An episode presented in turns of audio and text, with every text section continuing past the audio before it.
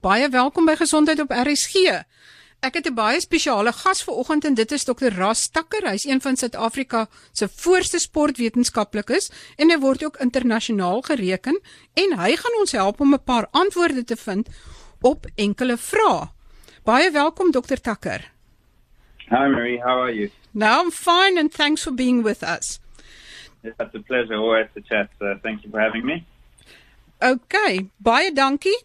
Ek wil net sê ons begin so deur te sê dat twee van Suid-Afrika se sportsterre, die rugbyspeler Apiwe Apiwe de Jantjie en die naloper Karina Hon, het die afgelope maand positief getoets vir verbode middels. Wat is hierdie middels? Hoe werk dit en kan dit werklik sportprestasie verbeter? Dokter Takker, Wat is hierdie middels waarmee hulle positief getoets het? Is dit anaboliese steroïde? Ek het hierso die lys van name van van ehm um, Apoy uh, die Jantjie se middels en ook van Karina Hon se middels. Kan ons daar deurgaan? Ja, yeah, sure. Um they're slightly different. One so the Jantjie had three banned drugs in his urine and Karina Horn apparently had the one. So the the one that she had is also in the Jantjie. but we can certainly go through them one by one if you'd like. Goed. Kom ons begin by die eerste een, die uh, methyl testosteroon. Ek verstaan dit is 'n mensgemaakte of 'n sintetiese testosteroon. Yeah, that's right. So in the banned substances list that the World Anti-Doping Agency creates every single year, they they list all the drugs that are similar to the main one. Now, the main one in this instance is testosterone, which is most listeners have probably heard of. It's the most common or most well known of the male hormones. So testosterone is the hormone that men have a lot more than uh, women do. And it is a drug that is responsible for building muscle, improving recovery, increasing strength if you train while you're taking testosterone. And so methyl testosterone is a similar drug to testosterone. And in the case of the auntie, it, it probably came from the other one. So you'll see that the the other steroid hormone that he had is called methendienone, and that is probably the source of the methyl testosterone because they're so similar that one gets converted into the other. O, dis baie interessant. Nou uh, sê maar mens toets nou. Kan mens dadelik sien dit is 'n sintetiese testosteron en nie die liggaam se normale testosteron nie? Uh in this instance methyl testosterone or methendienone only exist as synthetic drugs. So your body doesn't naturally produce methyl testosterone or methandienone. It does produce testosterone naturally. And so when you fail a test for testosterone, they have to do special testing to tell whether it's synthetic or whether it's naturally produced. That is done uh, in some cases, but in this case it wasn't necessary because both these drugs are always synthetic. They they don't exist naturally inside the body. Goed, vertel ons dan van die tweede een, die metandie dienone uh, tablet of die testosteron wat hy dan ingekry het. Wat presies is dit? Is dit 'n nuwer of 'n ouer middel? Waar hoe en hoe werk dit? So this is actually a very interesting one. Um the the name methendienone is, is kind of like the generic name for the drug, but the, the trade name is actually something called Dianabol. And Dianabol is one of the first steroids that was ever manufactured synthetically.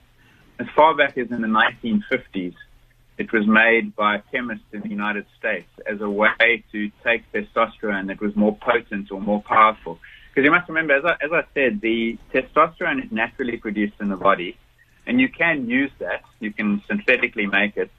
But what the chemists were doing in the 1950s, 60s, 70s is they were playing around in laboratories and making versions of testosterone that were more powerful or more potent. And Dianabol was one of the first of those.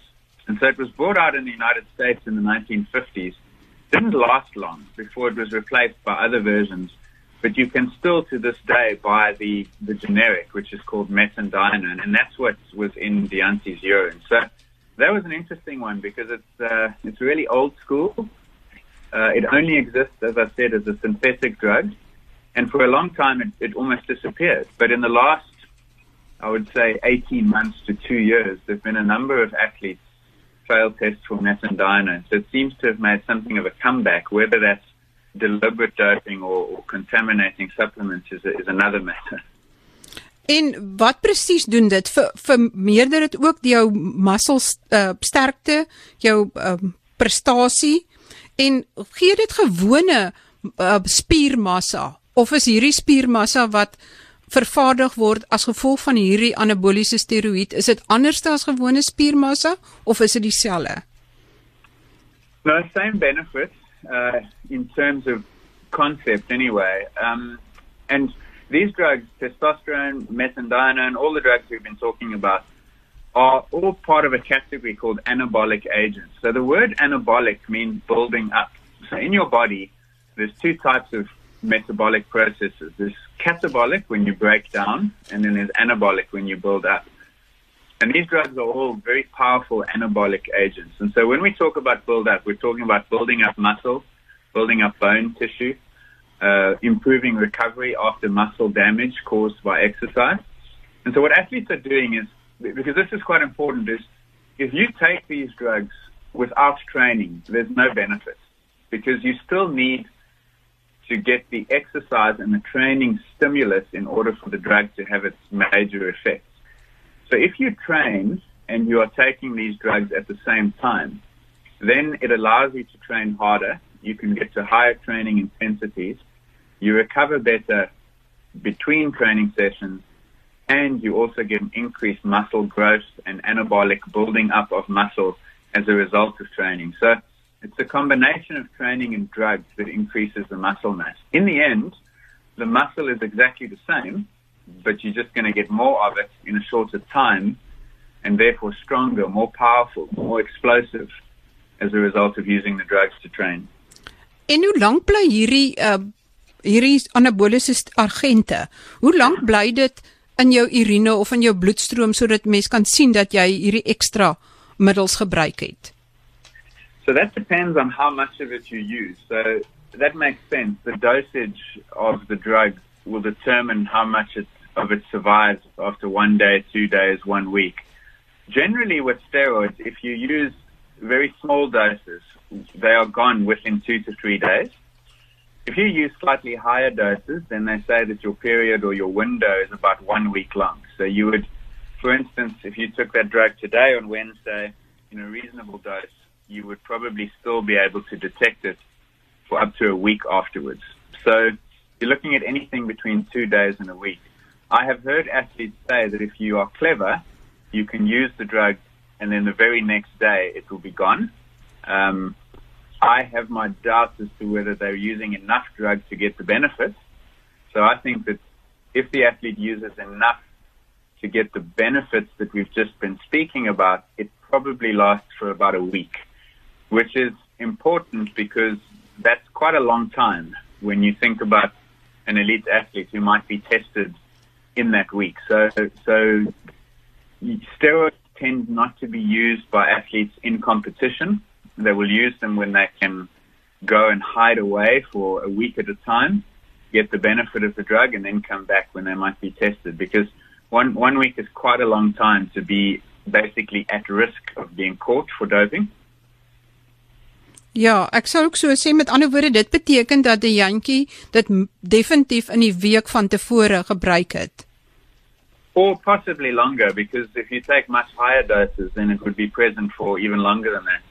Uh, and I, I, I suspect, I don't know this, but if you've used it non-stop for a month, for instance, it probably lasts even longer before it's non, not detectable. But again, we, I, I don't know the Dyantyi circumstance and the situation. That case still has to be heard. So we, we're speculating a little bit there, but an athlete, say a bodybuilder, for instance, who's training at the gym and isn't going to likely be tested, uh, they would take very high doses for very long periods and that probably be detectable for weeks yes. Maar ek verstaan hulle gebruik sommer perde uh, steroïde ook. Well yeah that that world is almost completely unregulated. And so the range and the yeah intensity of the substances that are being used there is actually mind blowing I, I think for all the concerns around sport and doping I think the regulation at least in sport brings back a a degree of common sense to what happens, even if it still does happen. Dokter Takker, in ons gesprek oor ehm um, Caster Semenya en uh hoe sekere mense wat dan nie as manlik ontwikkel nie, maar as vroulik, het jy gesê dat die 'n man met sy natuurlike testosteron vlakke en 'n vrou met haar natuurlike lae testosteron vlakke, het 'n man altyd 'n 12% voordeel wat sportprestasie betref teenoor 'n vrou. Met die neem van hierdie anaboliese steroïde, met watter persentasie kan jy jou prestasie verbeter? Mm, that's a very good question and and for obvious reasons the answer isn't exactly known because a scientist can't go and do a, a study where you give 20 athletes these these drugs because they do have some side effects, heart and kidney problems and so forth, metabolic issues. So ethically, we don't know the answer to that question because of good research. However, we do know in the East German system in the 1960s, 70s, and 80s, this was before anti-doping really existed. They didn't used to test athletes. They used to give all their athletes, men and women, quite high doses of these testosterone drugs, like Dianabol, uh, stanozolol, different versions of.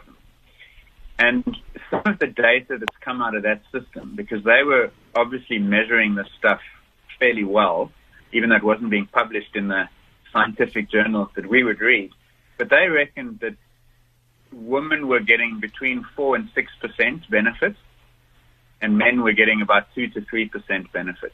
And the difference is that women don't naturally have the testosterone, so you can make more of a difference to their performance. I think that makes logical sense.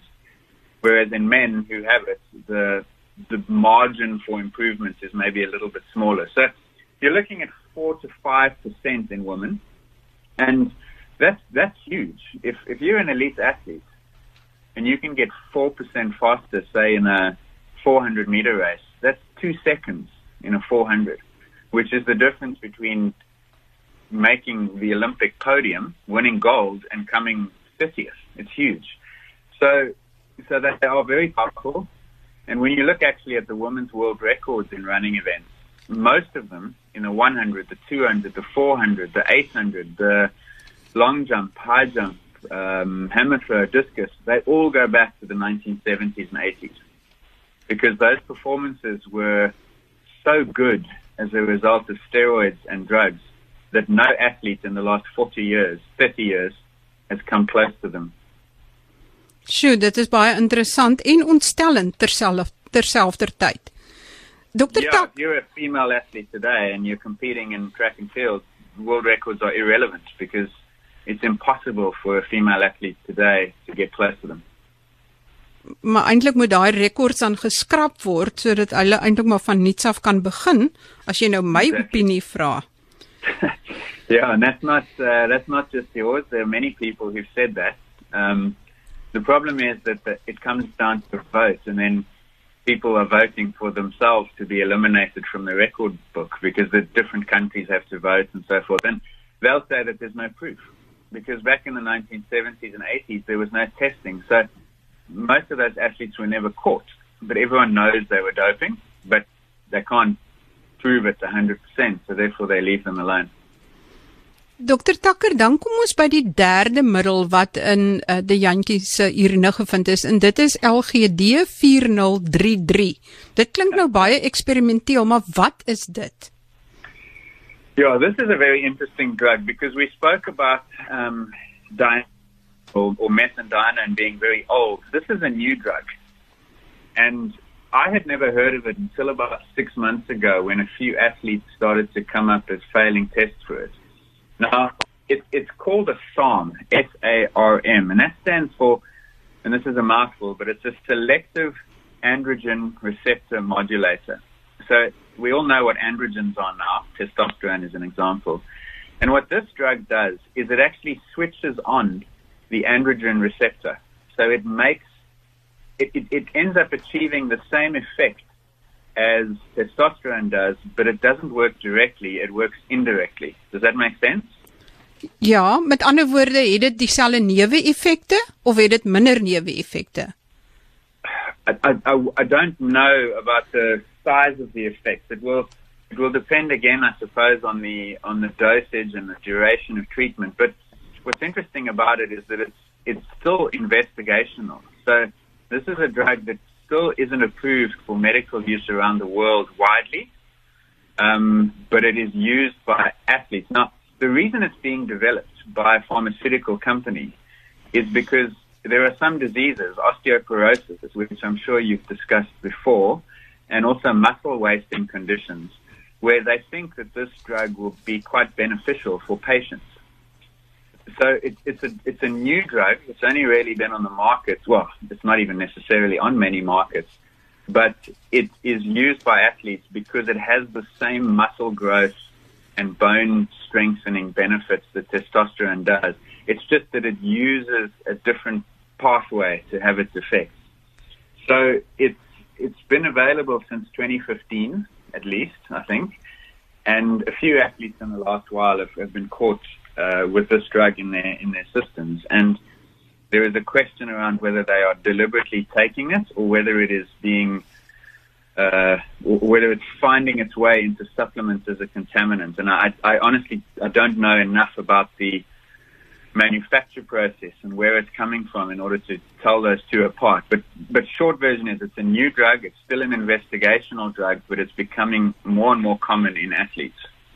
Ek verstaan ook of dit dit kan vir my sin maak dat as jy nou die uh, androgeen reseptore aanskakel gee dit dan nie ook terselfdertyd die boodskap vir die liggaam self om dalk minder testosteron te vervaardig nie omdat dit nou uh, kunsmatig aangeskakel word nie.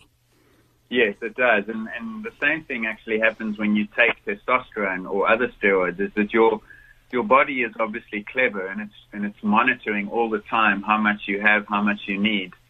And if you give it synthetic versions, it just stops its own one. And that's interestingly why when you test athletes' testosterone levels, a lot of the time men have very low testosterone. You say, well, why, why is that? Well, that's probably because they were doping two months or one month before and their body hasn't caught up yet and it's, it's actually switched itself off. So, so that is a, that is a potential problem um, whenever you try and mess with the body's natural hormone system.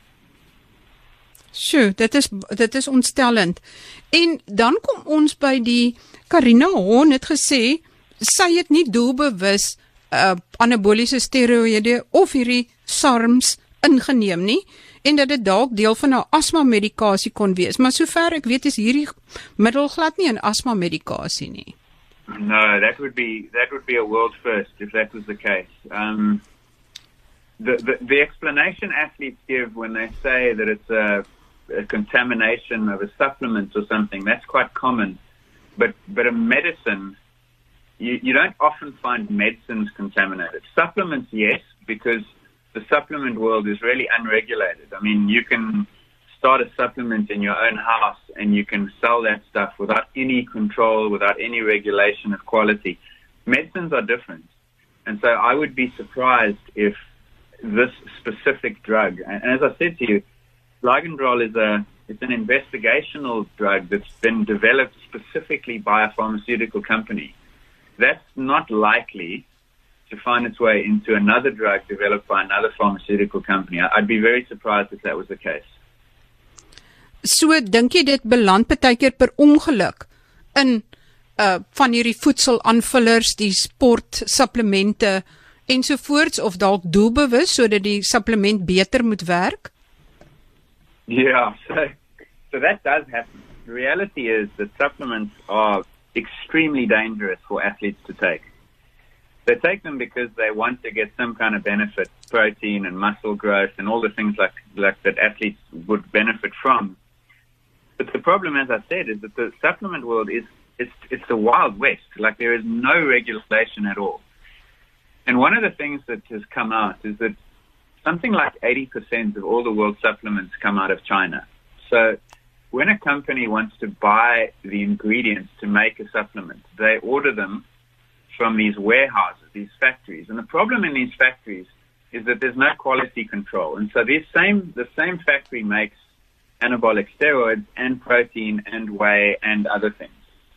And so in the end, the risk of contamination is very high. And I was, I was reading a paper the other day where they had looked at all the studies that have looked at this, and they reckon that between 15 and 60 percent of all supplements are contaminated in some way.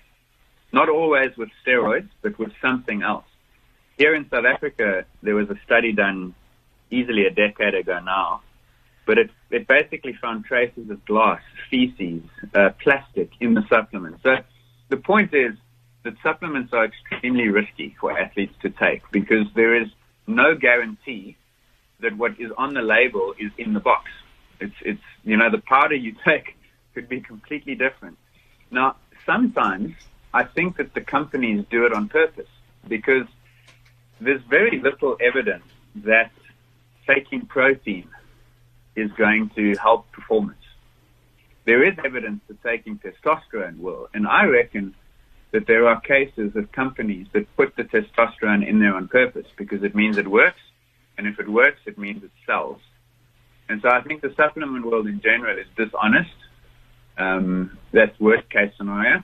Best case is that it's just so uncontrolled that an athlete who takes a supplement without looking into it and making sure and taking all responsibility is basically playing Russian roulette with their careers because there are many cases where athletes have failed the tests and it's later been shown to be a supplement, but it doesn't matter because the athlete's still responsible. Ja, dit is baie interessant dat jy presies dieselfde strekking van jou woorde het as wat Dr Gary Gabriels wat 2 weke gelede hier op RSG ook gesels het oor wat binne in die supplemente gevind is. En een van die goed was melamin en dit is eintlik ja. waarvan kombuiskaste gemaak word. So die exactly. die die die mense drink eintlik kombuiskaste. Maar ja. maar as jy uh, ek is seker daar's baie baie tieners hoërskoolkinders wat voetbal speel, sokker speel, rugby speel wat ook hierdie supplemente en voedselaanvullers gebruik in die hoop dat hulle dit beter gaan pre laat presteer en baie keer is dit die ouers wat hulle aanmoedig om dit te doen. Wat sou jou boodskap wees vir daai groep kinders? Yeah, you're right. The supplement industry is huge. millions and millions and millions of rands, dollars every year spent on these things. Um, and the, the, the mess, you see, the, the problem with it is that the message is really boring. Look, I can sit here and say, you shouldn't take supplements, you should focus on your diet, you should uh, make sure that you address training and nutrition and not worry about supplements. But teenagers, not, not just teenagers, but even adults, are under such a lot of pressure to perform. Their their coach, their, their teammates, their peers. So imagine your son is 16 years old and he's listened to this discussion or he heard Gary Gabriels and he says, I don't want to drink kitchen cupboards uh, supplements. So I'm going to not use supplements. If he plays rugby, he's probably the only person in his team who doesn't use them. So there's a tremendous amount of pressure on young kids to take supplements because basically everyone is. And I've seen a study where they asked teenagers, I think it was in New Zealand, uh, do you need supplements? And 93% said yes. They, they believe that supplements are essential. So this puts parents and children in quite a difficult situation because the best advice is not to take them, rather focus on your diet. But the realistic advice is that you probably do need to take something because because in, a, in the real world, you, you're going to be left out. And uh, that's a real problem for, for especially kids. If all your teammates are using, then you must. So if that happens, there are websites which audit supplements and ensure that the quality is high. So in South Africa, there's one called Informed Sport. And what these companies do is they work with the supplement companies and they test the products. And so, for example, there might be a company that brings out a protein shake. That protein shake will be tested by Informed Sports. And if they believe that it is credible and trustworthy and uh, reliable, then they will publish its name on their website. So if there are any parents listening to this, my first advice is feed your children well. Like look after their diet. Make sure they're eating well. Make sure they're eating healthily and enough. And if they're doing that, then they don't need anything else. That's the best situation. But if you think that they do need a supplement, and if they are absolutely insistent that they need a supplement, then do what you can to make sure that they're safe. And the way you do that is you go to Inform Sports and you make sure that you buy only the stuff that has been checked independently and has been shown to be trustworthy by that company. Maar dit is dan ook net geldig vir elke batch wat getoets word, né? Nee? Right. So there's two levels on informed sport. That's a that's a good point. Thanks. Um, they they certify the the product. So, for example, they'll say supplement X protein shake, but then they also have a more detailed version where they'll they'll literally look at the specific batch and they'll list the batch number of their supplement. Um, and then you can actually go into the store with a batch number and you can look to buy only that batch. That's actually overseas in England and Australia. That's how they treat their athletes. They tell the athletes, you guys can use supplements as long as it comes from this list. And if the athlete then goes and uses a supplement that's not on that list and they fail a test, then sorry for them. It's too bad because they took a chance that they shouldn't have. But they, they actually give the athletes a list and say, these batches, these products, this number, use those. And that's what parents can try and do as well. It's, it's obviously more time consuming than just walking into a pharmacy and buying the first thing you see, but it's also safer. Baie baie dankie Dr Tucker. Ek gaan beslis dit op ons webwerf plaas sodat ouers en almal kan sien hoe hulle hulle self kan help. Baie dankie vir die insiggewende uh inligting wat jy vir ons verskaf het op hierdie program. Ek sal in 'n ja, verder ek sal in 'n verdere program ook met jou gesels oor fietsryers want dit gaan my verstand ook te bowe dat hulle dieselfde tye jaag en ry as wat Lance Armstrong wat gedoop het ry en dat dit nie stadiger geword het nie. So Ja, yeah, it got slow, it got slow for a while and then it got fast again. Ja, ja. Something's wrong. So ons sal beslis daarna ook kyk, maar ehm um, baie dankie Dr Takker. It's a pleasure always get to chat. Thank you. Baie dankie. Dan wil ek net vir mense nooi op 30 September uh, gesels ek en praat saam.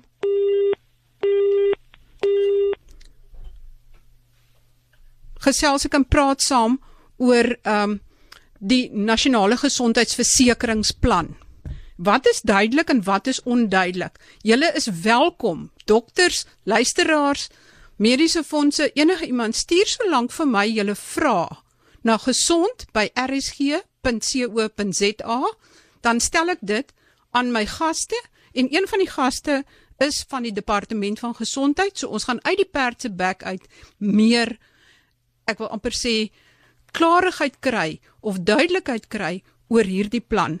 Tot volgende week wanneer ons kyk na een van die aspekte van dagga olie. Groete van my, Marie Hudson.